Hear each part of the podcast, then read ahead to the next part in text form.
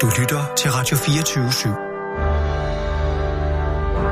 Velkommen til Poesibogen med Knud Brix. Jeg drømte noget, der var så grusomt, at jeg faldt om og måtte på hospitalet. I ambulancen holdt det grusomme mig i hånden, tynget af skyld over, hvad det havde gjort. Jeg sagde, at det var tilgivet. Det var jo mig, der havde drømt det.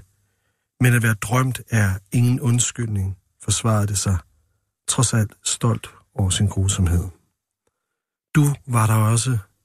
Du var en fugl, som var fløjet ind i ambulancen, lige inden dørene blev smækket i, og sirenerne blev tændt. Du sad på puden ved mit ene øre og viskede, nu sker det, mor. Tiden ser mig an, ikke omvendt. Den står i mørket under halvtaget og stiger ud som en dreng i skolegården, ingen vil lege med. I min drøm skrev jeg den bedste metafor nogensinde. Det var noget med en kanariefugl i en ambulance på vej i krig. Nu kan jeg ikke huske den. Jeg så en ældre kvinde spytte efter en fugl i parken og kaldte den for en dum lille lort. Det var så mærkeligt. Hun skældte den huden fuld. Både fuglen og jeg så forundret på hende, men bagefter tænkte jeg, hvor selvfølgelig det var for hende at kommunikere med fuglen, som om hun var trådt ud af sit sprog og ind i samme verden som den.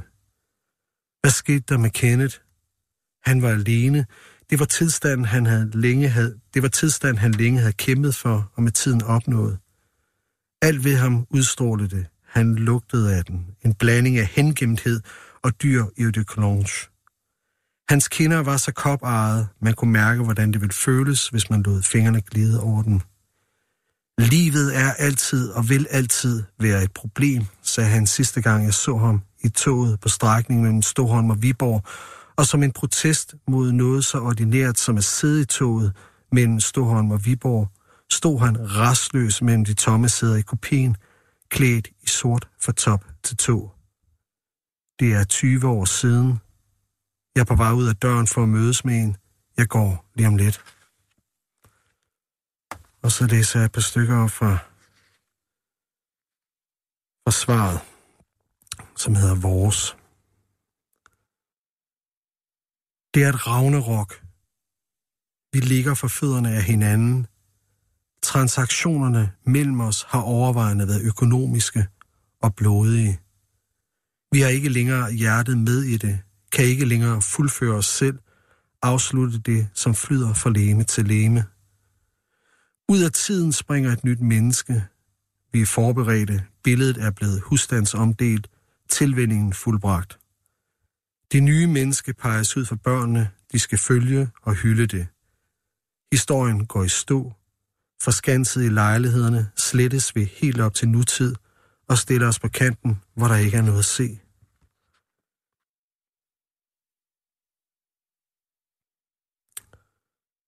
Visionens fuldførelse var en skuffelse. Selv sagt fristes man til at sige, dette fællesskab blev skudt ud af en pistol.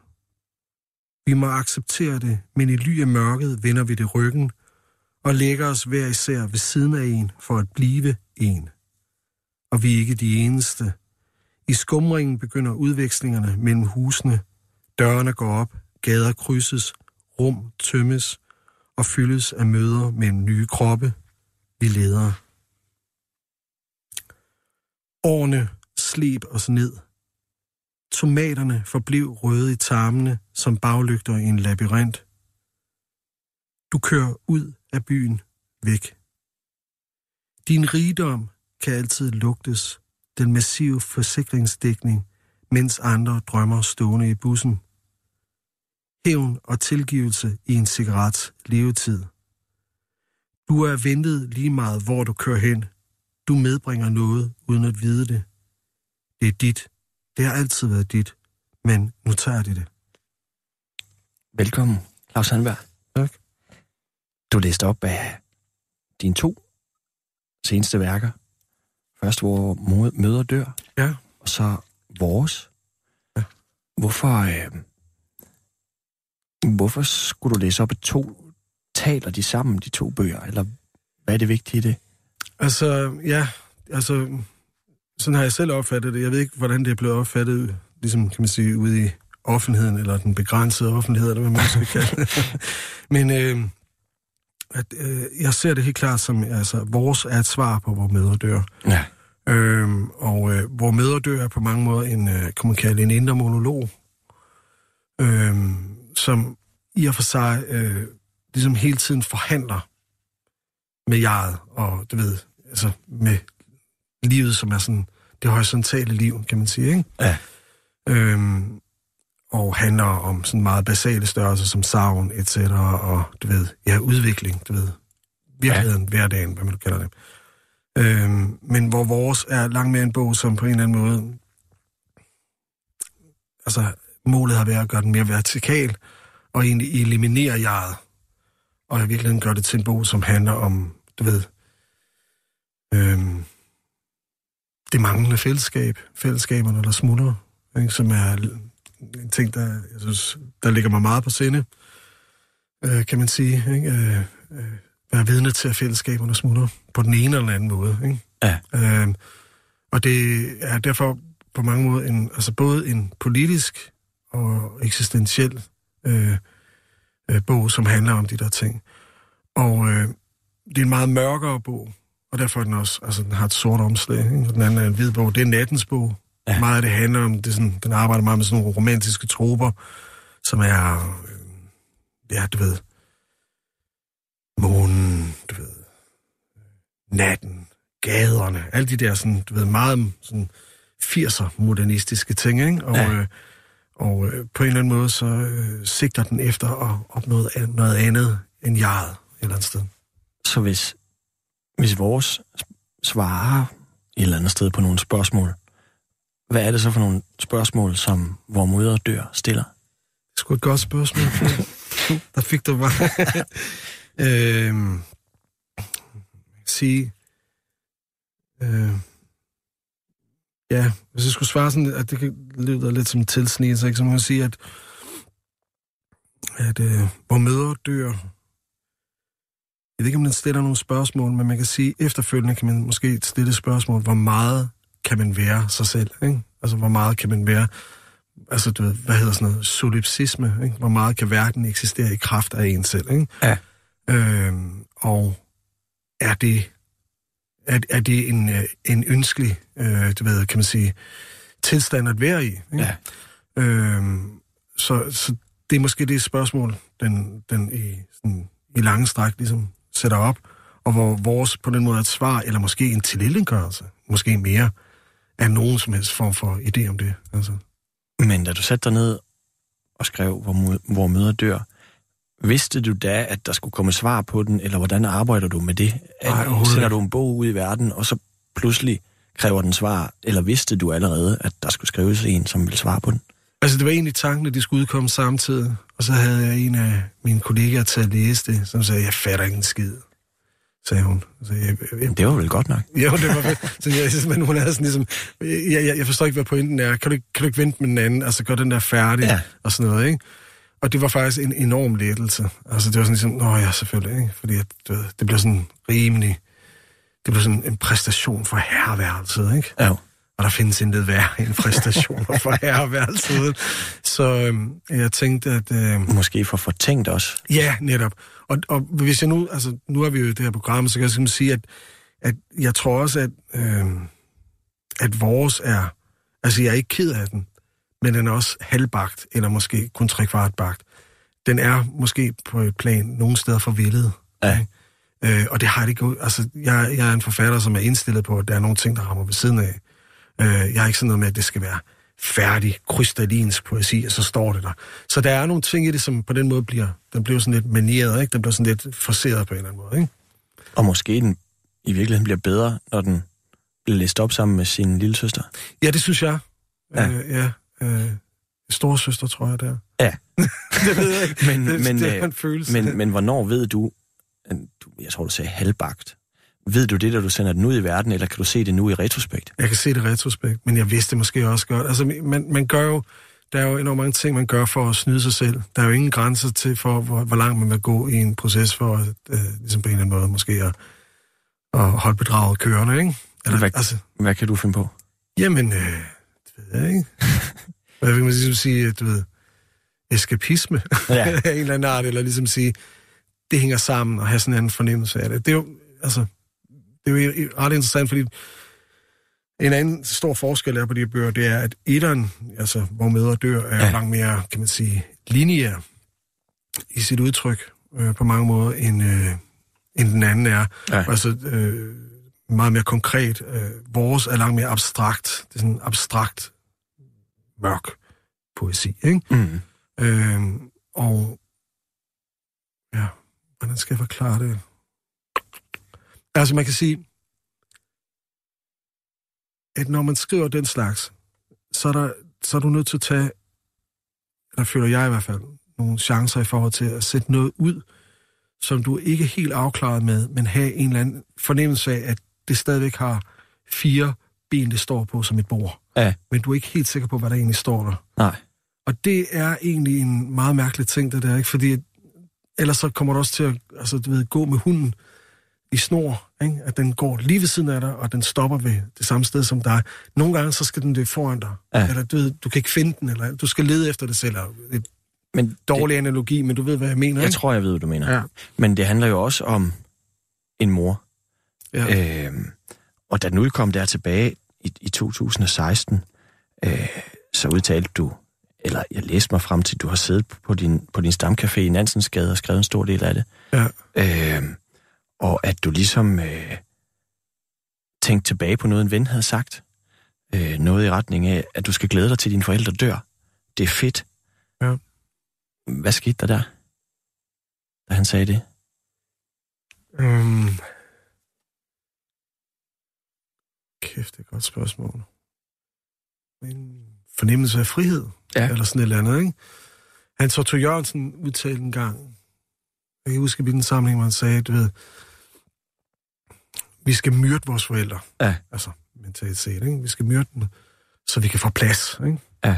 Og øh, man kan sige, at øh, alt afhængig af, hvordan man jo så har det med sine forældre, så er der jo noget om snakken. Altså, der er jo et eller andet, som man, er- den der frigørelse er vigtig.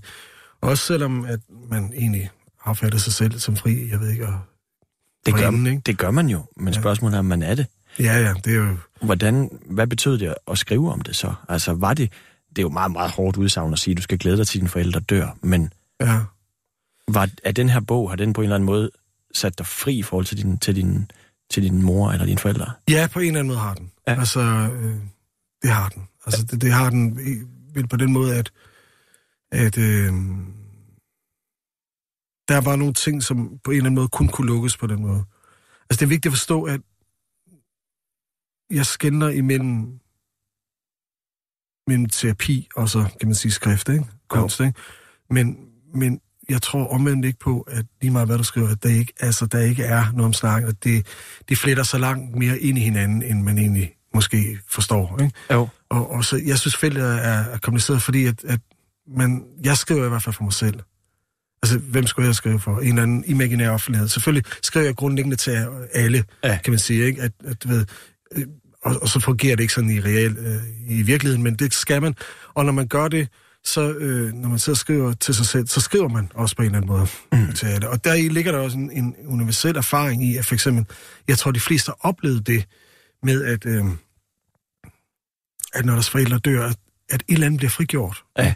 Men, men er også en redsel, fordi lige pludselig, altså, jeg er den ældste. Du sidder yderst på planken. Ja, præcis. Ja. Og det, det er øh, utrolig abstrakt. Ikke? Jo, og så alligevel ret konkret. Ja, nu, netop, Nu er det, det er dig, der, nu er det dig, der sidder yderst på planken. Ja, præcis. Ikke? Hvordan har du det med det?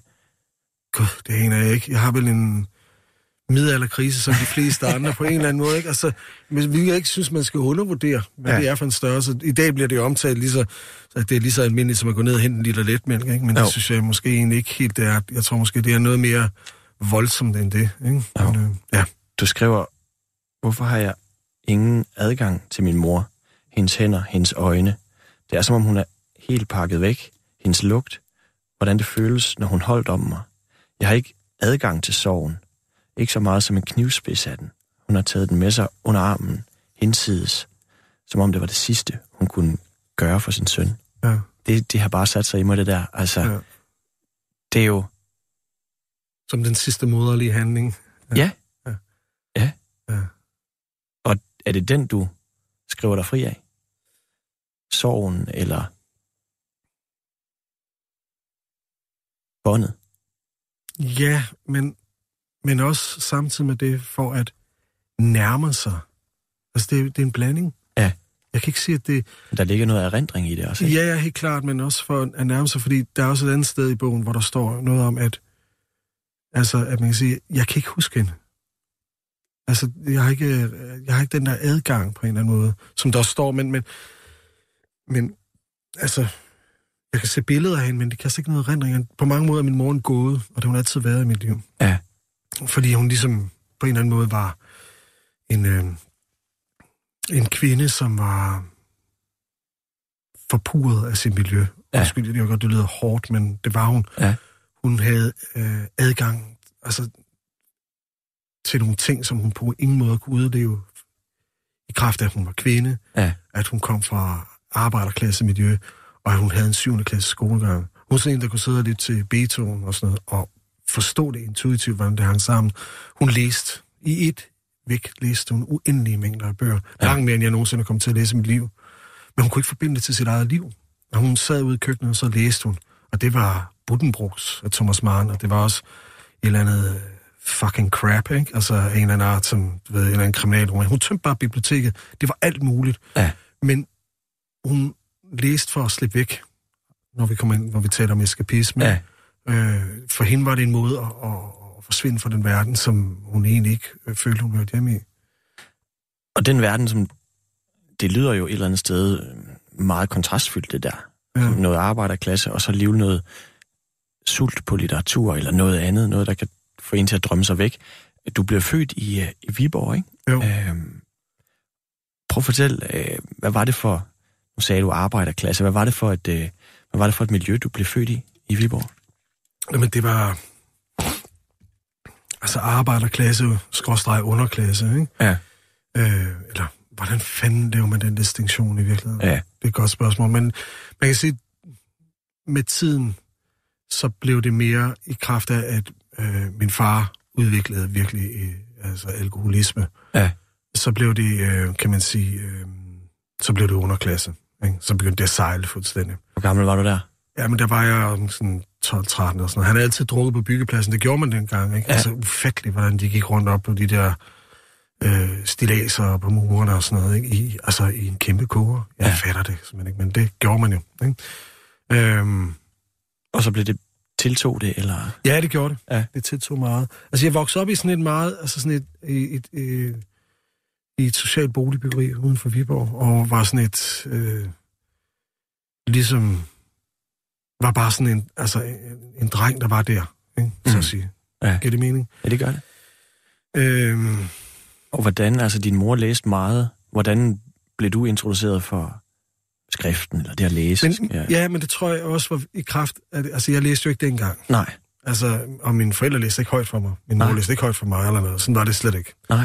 Øh, det var hendes projekt. Og min far var det modsatte. Ja, altså, han har læst nærmest aldrig noget. Men, eller jeg tror, han læste en bog, Ja, øh, som jeg så skrev der. Ikke? jo.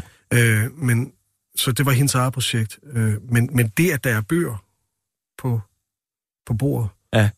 som fylder evigt altid, det smitter selvfølgelig af. Altså, præsensen af det er jo, øh, kan man ikke undervurdere. Øh, Skal man ikke undervurdere. Nej. Øhm, så det er kædet sammen med det, men det kom mere i stand i kraft af, at jeg, øh, altså, øh, jeg kom på efterskolen, Ja. og der havde jeg en lærer. 10. klasse på Fjordvang efter Ja, det var faktisk, eller var det 9. klasse? Ja, Ja, det, det det, kan jeg aldrig huske, om det var også 9. klasse. Altså, det er jo, øh, ja. Men Før, det, Først var jeg på en efterskole, der hedder Borgskovgård. Jeg blev smidt ud af folkeskolen. Ja. Altså simpelthen, det, det er kan- næsten umuligt. kender jeg faktisk godt. Det, det er i Østjylland, hvor jeg selv kommer fra. Er det rigtigt? Ja. Sådan ligger oppe i skoven der, Ja, ja præcis. oppe ved Urlev og, Ja, ja, præcis. og skov. Er Nå, der, har du gået der? ja, der er gået her. Men det, var var, sådan, gamle det var ungdom. sådan nogle... Gamle Der ungdomsfængsel. måtte, vi kom ned i skoven der, så vi altid få at vide, at må ligesom ikke rende derover. Nej. Det var... Var, det, var du en hård dreng? Jeg var en forstyrret dreng. Ja. Altså, det var... Ja, det er der ingen tvivl om. Ja, altså, det, der var så mange issues på det der tidspunkt. Ja. Det kørte virkelig, virkelig helvede til, ikke? Men måske var det godt nok at komme væk. Jamen, det var det. Altså, jeg, jeg er enormt glad for det. Øh, men, men det var enormt syret. Jeg boede jo i en, en fucking celle. Ja. Altså, det var sådan en, du ved, med, med skudsikre glas og sådan noget, ikke? Altså, Ja. altså, det ville være utænkeligt i dag, at man ligesom beholdt... Det lyder ikke som den gængse efterskole. Nej, nej, men det, det havde været det for nogle år inden, for, år for inden, så havde det været en, en, øh, altså, du ved, et ungdomsfængsel. Ja. Så altså, man, øh, man blev indlogeret i de der celler, og derfor troede de lokale drenge også, Ja. altså helt klart, at vi stadigvæk var, øh, du ved, indsatte. Ja. Så de smed jo sten efter os og sådan noget, når vi skulle ned til købmanden, ikke? Jeg ved ikke, om du var en af dem. Jeg tror, jeg var lidt yngre. okay. Men jeg, men jeg vidste, det var farligt, det der. Ja, Så kunne man gå ned til købmanden nede i vores skov. ja. Øhm, men, men prøv lige... Men så kom jeg, Ja, så kommer du nemlig på, på, på Fjordvang. På Fjordvang efter skolen. Ja. Og der var der en, og der kom jeg ind, jeg var gået i, jeg var gået i, øh, ikke i lære, jeg arbejdede på sådan en, et traktorværksted. Ja. Og det holdt bare ikke. Altså, det kunne jeg ikke indrette mig på. Og så jeg kom ind i, altså, i 9. klasse der, ikke? der kom jeg ind på, på Fjordvang, og det var i oktober måned. Det var langt ind i skole, og det var Henrik Have ret træt af. Men øh, jeg havde et eller andet med ham. Og hvis man ikke lige, altså, når du siger Henrik Have, hvis mm. det ikke lige ringer en klokke for lytterne, Ja. han er jo en legendarisk figur på mange måder, både i Ja. dansk litteratur og billedkunst og alt muligt. Og forlag og alt muligt. prøv lige at fortælle, øh, Jamen, han hvad, var- er det, hvad er det for en mand, du møder? Jamen, øh, han var jo lærer der, men han var jo, er jo digter og forlægger. Han havde forlaget Afterhands, Ja. ja. som også er et legendarisk forlag, som udgav meget specielle ting igennem tiderne. Startede ud som den virkelig avantgarde forlag, ikke? Ja. Øh, og så var han billedhugger, maler og sådan noget, og havde et ret stort gennembrud der tilbage i starten af 90'erne og sådan noget, som, øh, som maler, ikke? Du lytter til Poesibogen på Radio 24 med Knud Brix. Hans gæst er digteren Claus Hanberg.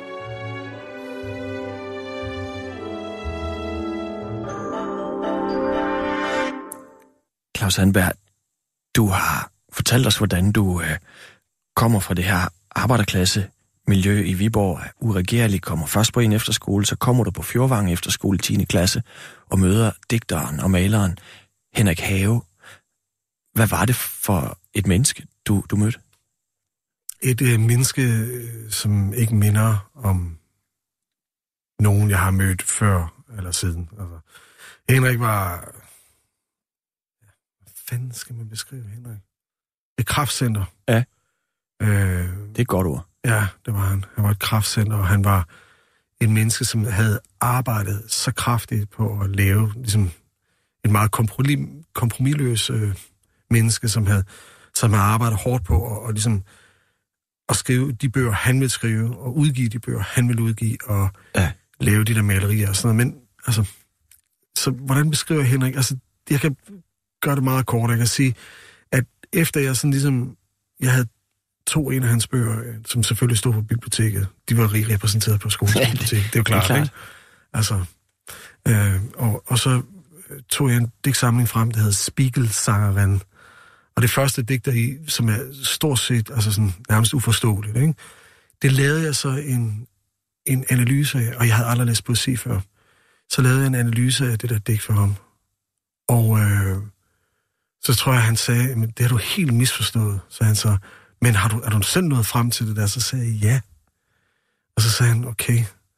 Det var han ret optaget af. Altså, du ved, øh, at, at det, at jeg var interesseret i det. Ja.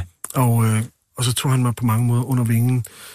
Øh, og det er på godt og ondt. Det var ikke enkelt. Altså, Henrik havde også, øh, det vil jeg ikke sidde og snakke så meget om, men havde også mange problemer, og vi havde et problematisk forhold, fordi det blev, altså han blev min anden far. På mange måder øh, var jeg tættere på Henrik, end jeg nogensinde var på min egen far. Ja. Ingen, uden tvivl. Ikke? Øh, og så, så, så det blev jo sådan et, også, øh, du ved, mester-lærling forhold og så videre. Men Ja. han åbnede døren, kan man sige. Og jeg tror, at man med helt altså sindsro kan sige, at, at havde han ikke gjort det, så var jeg ikke kommet derhen. Så havde jeg gjort noget andet, og det ved jeg sgu ikke. Det er umuligt at sige. Jeg vil nok ikke gå tilbage til traktorværkstedet i hvert fald, men, øh, Men hvad var det for en port, han åbnede? men det var ligesom det der med, at, at man sige, at du kan, altså, jeg, jeg tror på nødvendighed, men det kan være på alle mulige altså måder. Ja. ikke? Altså, ikke det bare den skrigende eksistentielle nødvendighed. Det kan være nødvendigheden af at opfinde en anden verden, eller miste sit ansigt i skriften, eller tabe sig selv? Ja, tabe sig selv, eller du ved, beregne afstanden fra det jeg her og det jeg der. Du ved, track sig selv, kan man sige i teksten, ikke? Ja. Og det er måske hen mod det sidste, den sidste øh, nødvendighed, jeg nævner, hvor jeg ligger et eller andet sted. Altså, nødvendigheden af at prøve at forstå verden igennem det. Ja. Ja. Altså, jeg forstår simpelthen så lidt af den her verden. Men når jeg skrev et digt, når jeg skrev et digt, ikke? så er der på en eller anden måde, er der et grundlag i det, for at jeg kan forstå noget andet. Og på den måde kan du bygge bro. Jeg kan ikke forklare det på andre måder, og det lyder meget abstrakt, Nej. men det er virkelig sådan, det er. Og, øh, og, og, og der er en forbinder, altså det er en forbindelse. Ja. Uanset hvor abstrakt det så kan være, så er der en forbindelse i det der, hvor jeg kan på en eller anden måde forstå nogle ting. Ikke? Jo. Øhm, ja. Men der er jo også noget smukt i det der med at blive set. Altså, ja, men det var meget, at der er nogen, der... Den der sætning, har, har du... Øh, har du selv kommet frem mm. til det? Der er jo sådan en, en interesse i dig. Ja, ja, præcis. Og det, har- det har jeg aldrig nogensinde, altså jeg aldrig oplevet før. Nej. Ikke på nogen som helst måde.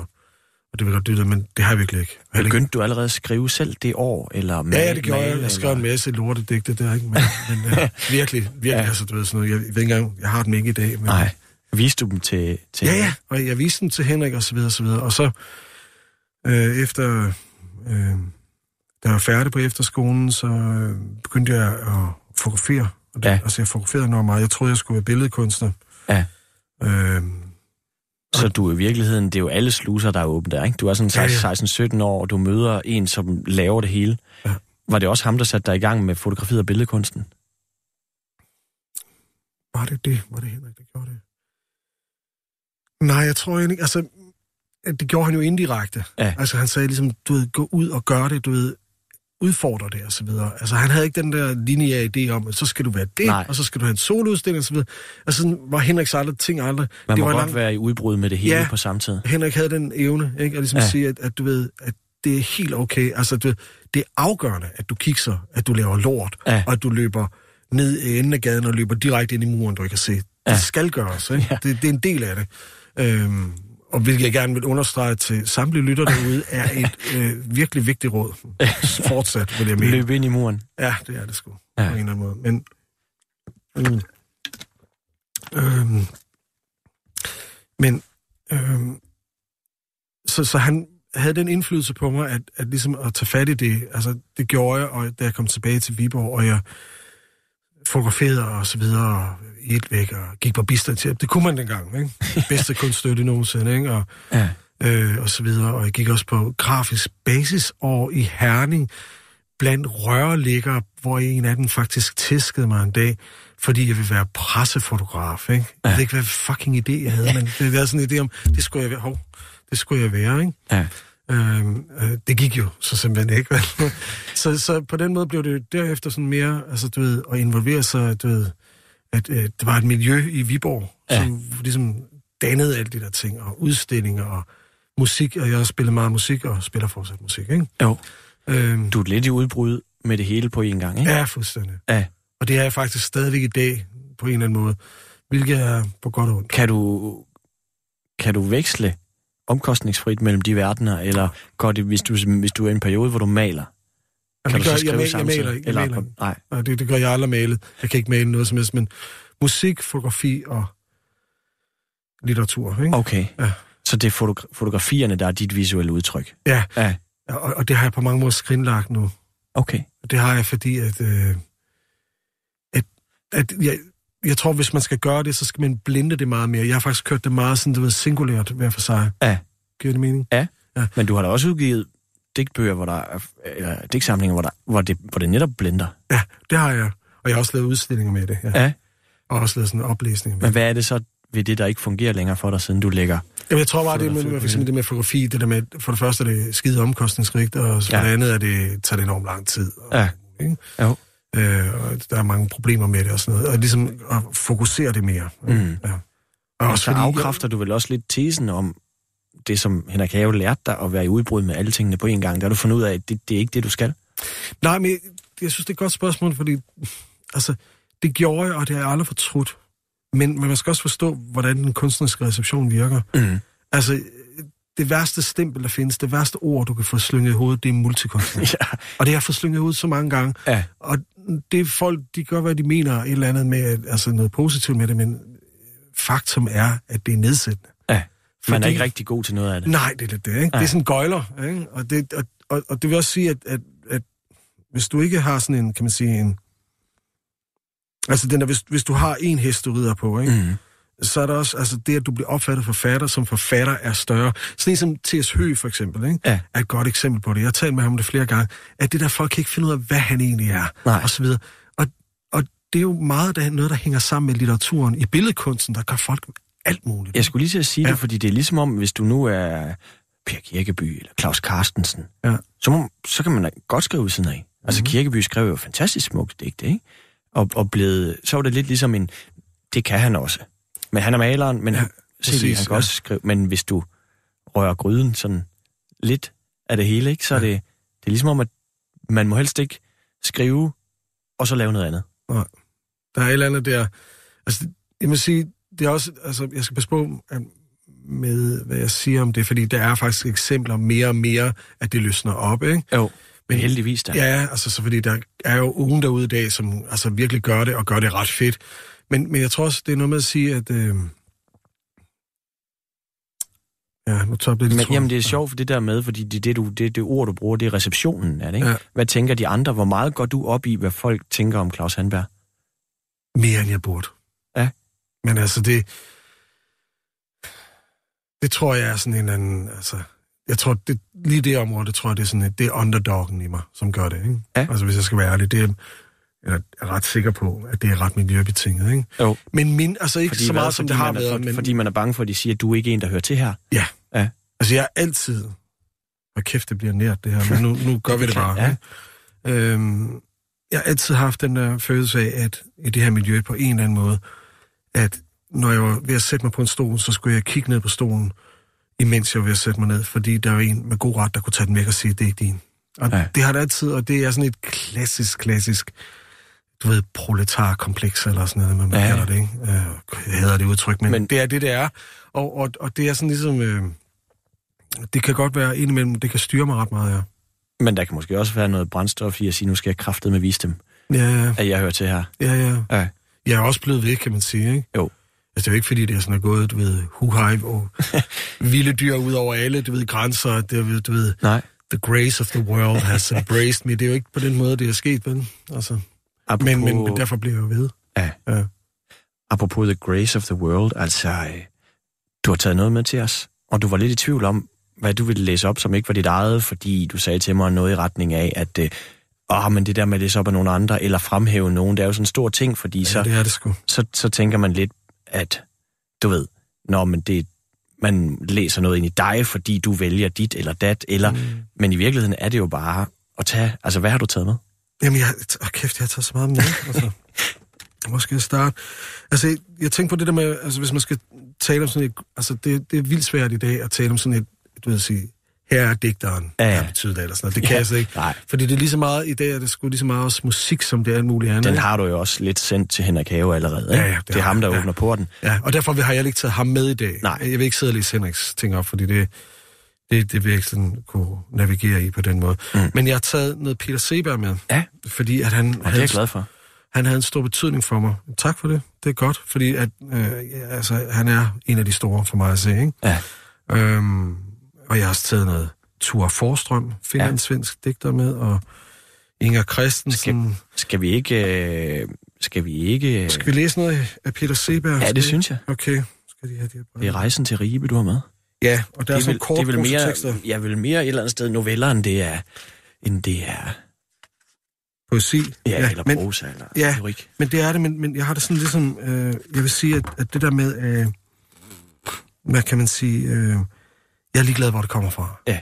Altså, jeg har det ikke det der med, jeg sidder, altså, jeg læser sgu alt muligt. ikke? Ja, Øh, og, ligesom din mor.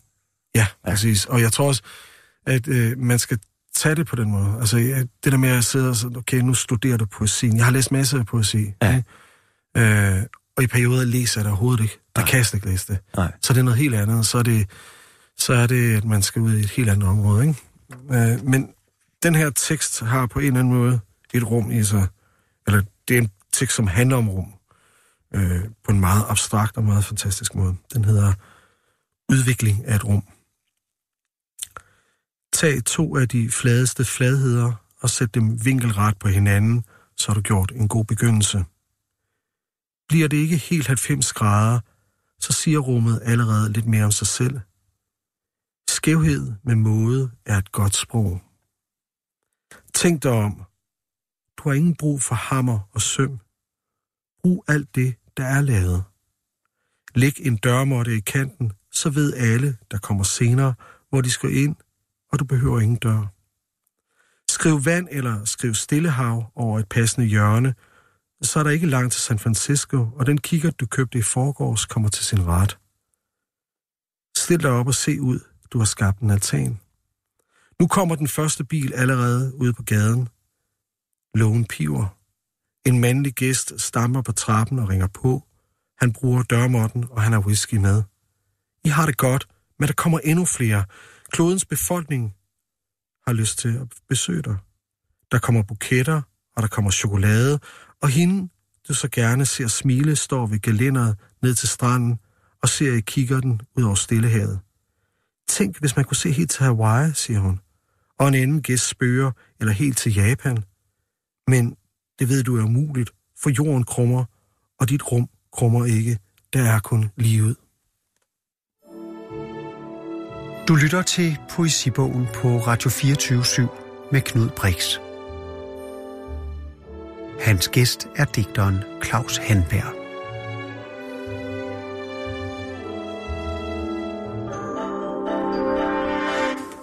Det er jo lige meget, hvad man kalder det der, Claus Hanberg, du læste op af, af, af Peter Seberg. Det, altså, det der, det er jo for sindssygt. Ja, det er helt vildt. Det er jo poesi. Ja. Jeg ved godt, han kalder det noveller, men det der, det er da helt vildt. Det, er, det er et billede på, hvad, altså, hvilke kræfter, der ligger i det mentale, ikke? Han, han bruger dørmåtten, og han har whisky med. Ja. Fuck, hvor er det vildt. hvad, altså, øhm, hvad, hvad kan sådan en tekst for dig? Jamen, det er en tekst, du ikke kommer i havn med. Mm. Du kan ikke ligesom slutte ned og sige, at det er det, teksten handler om. Det er på en eller anden måde et billede på ja, et mentalt rum, og øh, som jeg lige også sagde, men, men på en eller anden måde sådan en utrolig abstrakt, og der er ingen inde på det. Det vil sige, at jeg som læser kan skrive resten af teksten. Ja. Altså, jeg skriver så meget af teksten selv, når jeg læser det. Ja. Det møde er jo altid forunderligt. Når du sidder og læser en bog, så skriver du halvdelen af bogen og alt det der, ikke? Jo.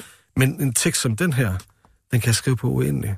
Den bliver ved med at ligesom have det der, altså, det der rum, som er uafklaret i sig.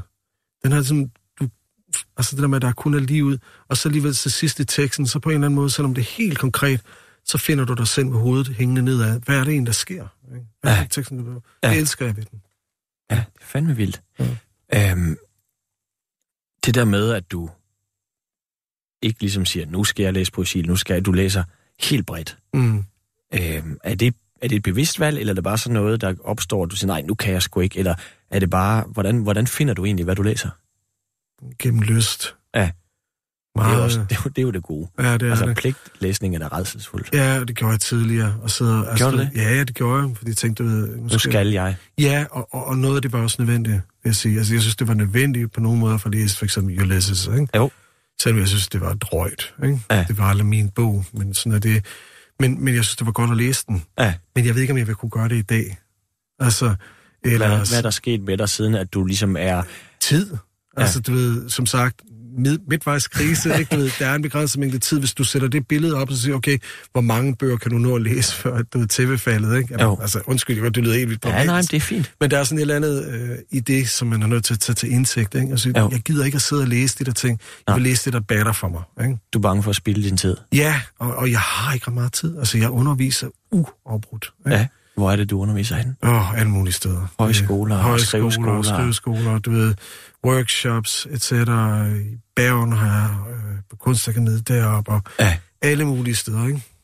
Og det er selvfølgelig tidskrævende. Ja, Men meget. giver det dig noget at undervise også? Det gør det, og øh, det, det, det er jeg glad for, at du spørger, fordi det gør det, fordi ellers så er man prisgivet i det. Ja. Hvis det er et nødvendigt onde... For at holde huslejen for døren? Ja, ja, sådan noget, ikke? Hvis det er et nødvendigt onde, så er det jo... Øh, så, er du, så er du død på benene. Det, Ja. ja. Du har ingen chance. Nej.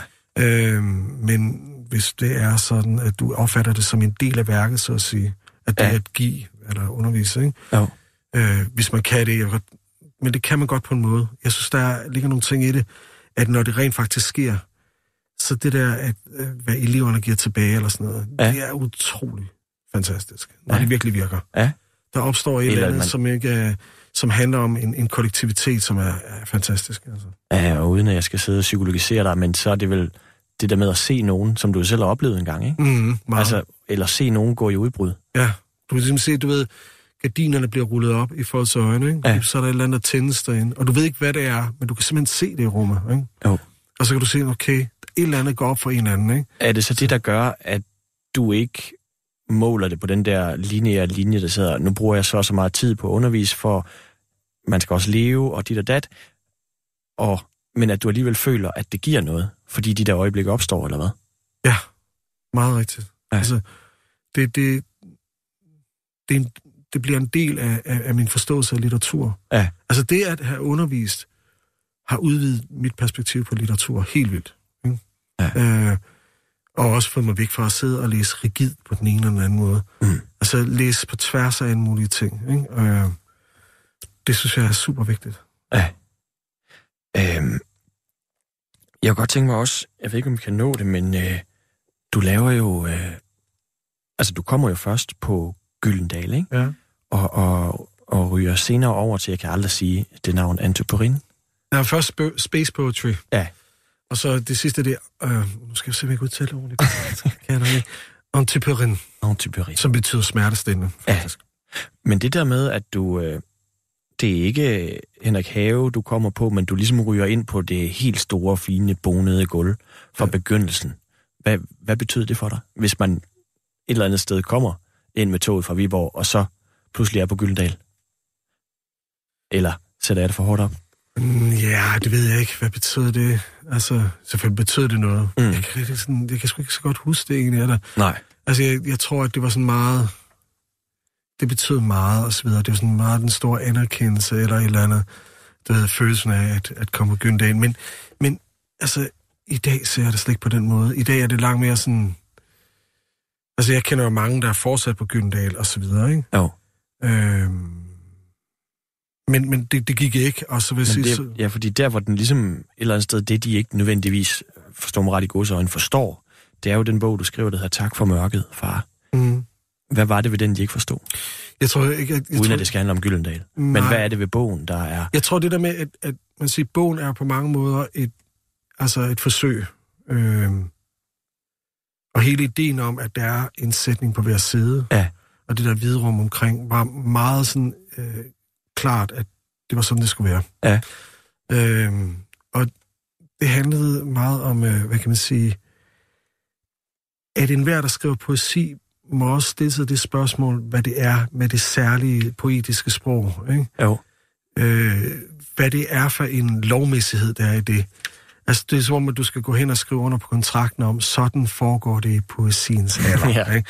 Jo, Jo. det er selvfølgelig meget mere kompliceret end det, men du ved, metaforikken, du ved, øh, rytmikken, altså du ved, metrikken og alle de der ting, hvor, som også har nogle helt klare begrænsninger i sig, fordi at øh, den der, altså for, det formelle i det har nogle hæmninger, synes jeg. Ja. Øh, og samtidig er det også frisættende. Du ser sådan som Inger Christensen, det er jo enormt frisættende for hende, Ja. ikke? at have den der, de der givende former. Jeg, det, der var vigtigt, det var, at hver sætning på en eller anden måde, om den var høj eller den var lav, skulle have en sætning for sig, altså en tid for sig selv. Ja. At hver udsagn på en eller anden måde var lige validt. Også selvom det så var, at du ved, nogle virkelig hårde sætninger, eller en sætning som, i køkkenet fandt vi kun glas og bestik til to. Altså noget fuldstændig synligheden ligegyldigt. Men jeg var interesseret i, at når sådan en sætning står på et sted, så åbner det et rum Ja. i forhold til, at du igen som læser skriver dig ind, og du begynder at skrive videre. Eller tænker, hvorfor var ja. Der kun bestik til to? Præcis. Betyder det, at... Og så ja. Ja. kører den. Og de der associationsspring, der er fra, selv, fra side til side, det danner simpelthen en helt anden fortælling, end jeg på nogen måde kan kontrollere som forfatter. Ja. Ikke? Og det var jeg ret optaget af. Men det er jo en ret vild bog, som du siger, fordi den altså, ligesom står i øh, ganske få sætninger, eller på, på hver side, ikke? Mm. Øhm, og, og du bliver sikkert træt af mig, men jeg kan ikke lade være med at spørge dig om, hvor meget, altså her bruger du af en eller anden form for hovedstol. For eksempel skriver du så lige pludselig, jeg boede på den forkerte side af vejen. En dreng fra den anden side af vejen udfordrede mig til en duel på skråningen ved viadukten. Jeg mødte ham på skråningen i min blå træningsdragt. Han havde en lyserød Lacoste-trøje på. Vi stod over for hinanden i græsset på skråningen. Ingen af os turde slå først. Mange år senere hørte jeg, at han var blevet postbud på den forkerte side af vejen. Mm. Altså, det er jo en helt... Det er jo en roman. Ja, det er det. Øh, på fem, side, øh, fem øh, sider, ja. og, eller otte linjer. Ja. ja, det kan jeg ikke engang regne ud. Ja. Altså, men det er... I de her irriterende det... tider, hvor, hvor autofiktion og hvad ved jeg bare gennemsyrer alt, og man kan ikke snakke om det, men, men det, det her, altså med, er det, er det arbejderklassedrengen, som ja, står... det er det, det der, det er et til et. Det er et til et? Ja, det er et til et. Øh, hvor jeg er glad for, at du ikke bare øh, bliver træt af at snakke om det her, nej, fordi det bliver nej. folk jo altid træt af. Jamen, det Men det er også... arbejderklassedrengen, der står i sin træningsdragt, ja. og så står der en ja. i Lacosten. Ja. Det er næsten, det er sådan noget, hvis du satte det op i en film, ikke, så vil man tænke, ja, come on, take ja, it easy, det, det... Altså nogen, du styrer dig, ikke? Altså, men, men, men det, det er det, og, og, og, og bogen er jo også ligesom, altså den går ind i nogle forløb indimellem, ja. og så smuldrer den igen. Ja. Og så er der måske lidt senere et ref, altså en reference til det forløb igen, på en eller anden måde for at få det til at hænge sammen. Og, og der tror jeg, at det der med, at den, altså, det der, det er et, et, men en del af de andre ting, altså mange har haft troet, at den der bog var ved, fuldstændig ja. hjertet af mig. Ja.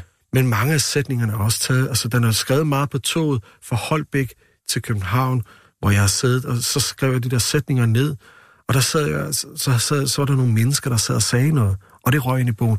Og det er super vigtigt at forstå, at ellers så kan du slet ikke lave en, undskyld, ellers kan du slet ikke lave en bog. Du Nej. kan ikke bare sidde, altså på en eller anden måde, det, altså litteratur handler om afstand. Ja. Det er det, det gør, ikke? Og der er det bare vigtigt at forstå, at, at en stor del af det der, det er noget hentet ind, ja. men det gik ind i en, en fortælling, som på en eller anden måde, ligesom alligevel så bliver mig, men ikke er mig. Forstår ja. du, hvad mener? 100 procent. Ja. Jeg er helt med på, hvad ja. det er, fordi man sidder som læser, og man bliver fanget i den der fælde, ikke, hvor man bare vil, når man, det er jeget, der skriver, det er hans liv, eller ja. et eller andet, og det er jo for fanden ikke det, det handler om. Nej, det er ikke det, det handler om. Og det er jo også ligegyldigt, hvor meget at du har stået en Men det er jo bare den der orm i baghovedet, jeg tænker, jeg, jeg tænker, har Claus stået der og udfordret en til, til duel, og hvad fanden, eller... Det var så ham, der udfordrede, udfordrede mig. Nej, ikke, ja, undskyld, det var Lacoste, det var Lacosten, der ville banke arbejderklasse. Ja, det var så langt ud. Det var så langt ud. Men det er jo ligegyldigt. Ja. Det er jo ligegyldigt. Mm. Fordi i det sekund, at det her er en digtsamling, så er det jo et fiktionelt rum, hvor, hvor det ikke handler om det der. Og jeg, jeg tror, jeg vil gerne lige sige noget om det, som jeg synes er ret vigtigt, øhm, og, og, og meget svært at tale om. Men altså, du ved, øh, en anden ting, når man skriver poesi, så må man komme omkring, hvad sproget, hvad det er for nogle anordninger, poesien benytter sig af, og så ja. videre, som jeg snakker om før. En anden ting, det er, der er uomgængeligt, det er selvfølgelig jeget. Ikke? Ja.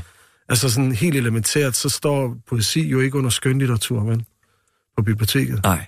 Altså det har sin egen ting, ikke? Altså jo. sit eget fag. Hjørne. Eller, ja, hjørne. og øh, øh, jeg synes, det er meget vigtigt at forstå, at, at man kommer ind i det der jeg, og begynder også på et tidspunkt at skamme sig over det. Mm. Jeg synes, der er noget enormt skamfuldt i at udgive en bog. Ja. Det synes jeg, jeg synes, der, der er Hvad er det for en skam?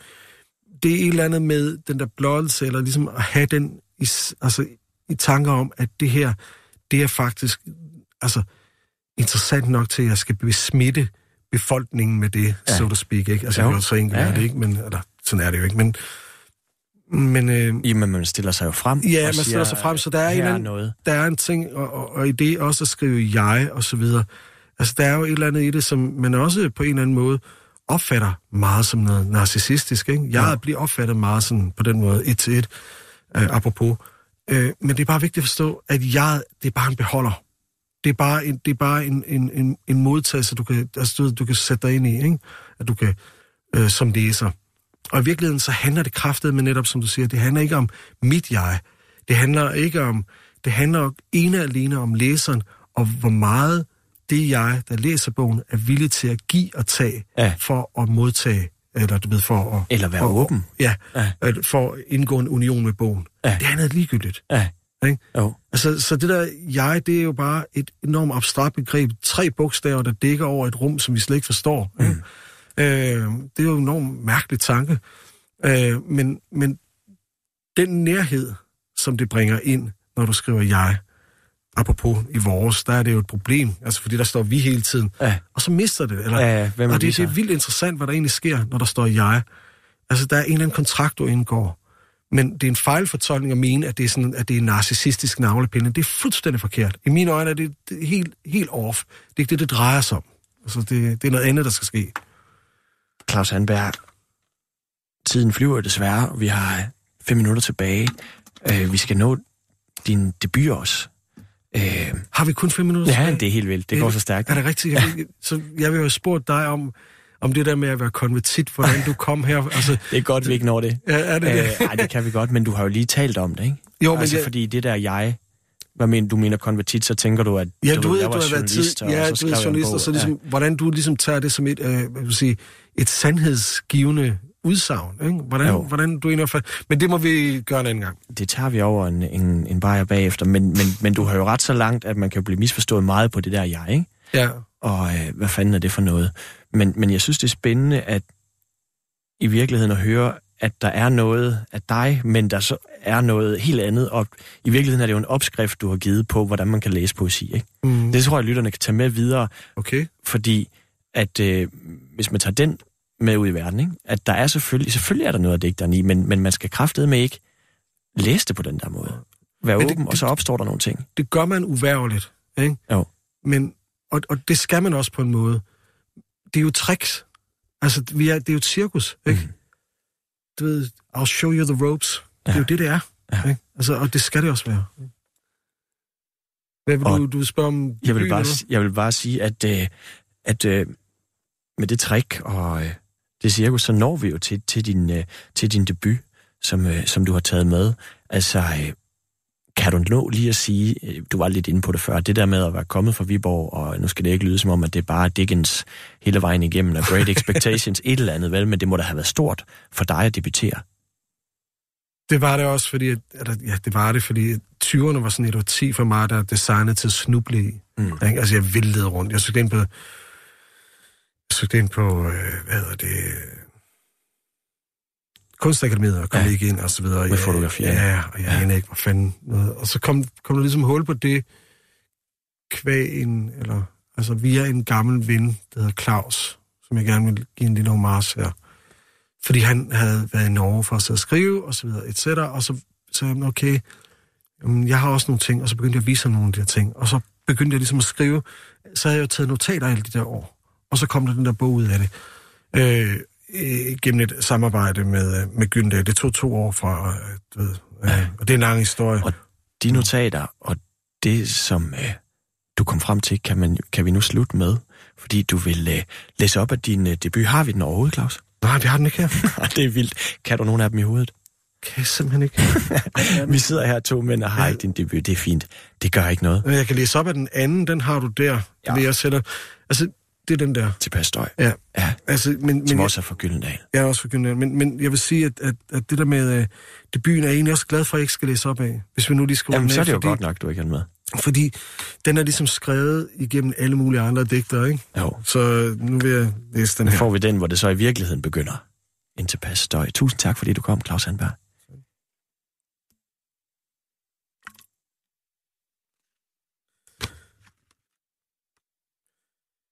I 1951 lagde en kvinde mærke til min far i hans blå uniform i krydset ved Nørre Allé og Tagensvej.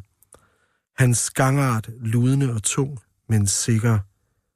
Hun kunne aldrig elske, husker hun, at hun tænkte en mand med sådan en gang. Over 50 år senere, det vil sige i går, så hun mig vandre over krydset ved Vibens hus runddel og anede forbindelsen. Jeg kendte engang en pige, der boede mellem de to lyskryds, og hun fik aldrig besøg.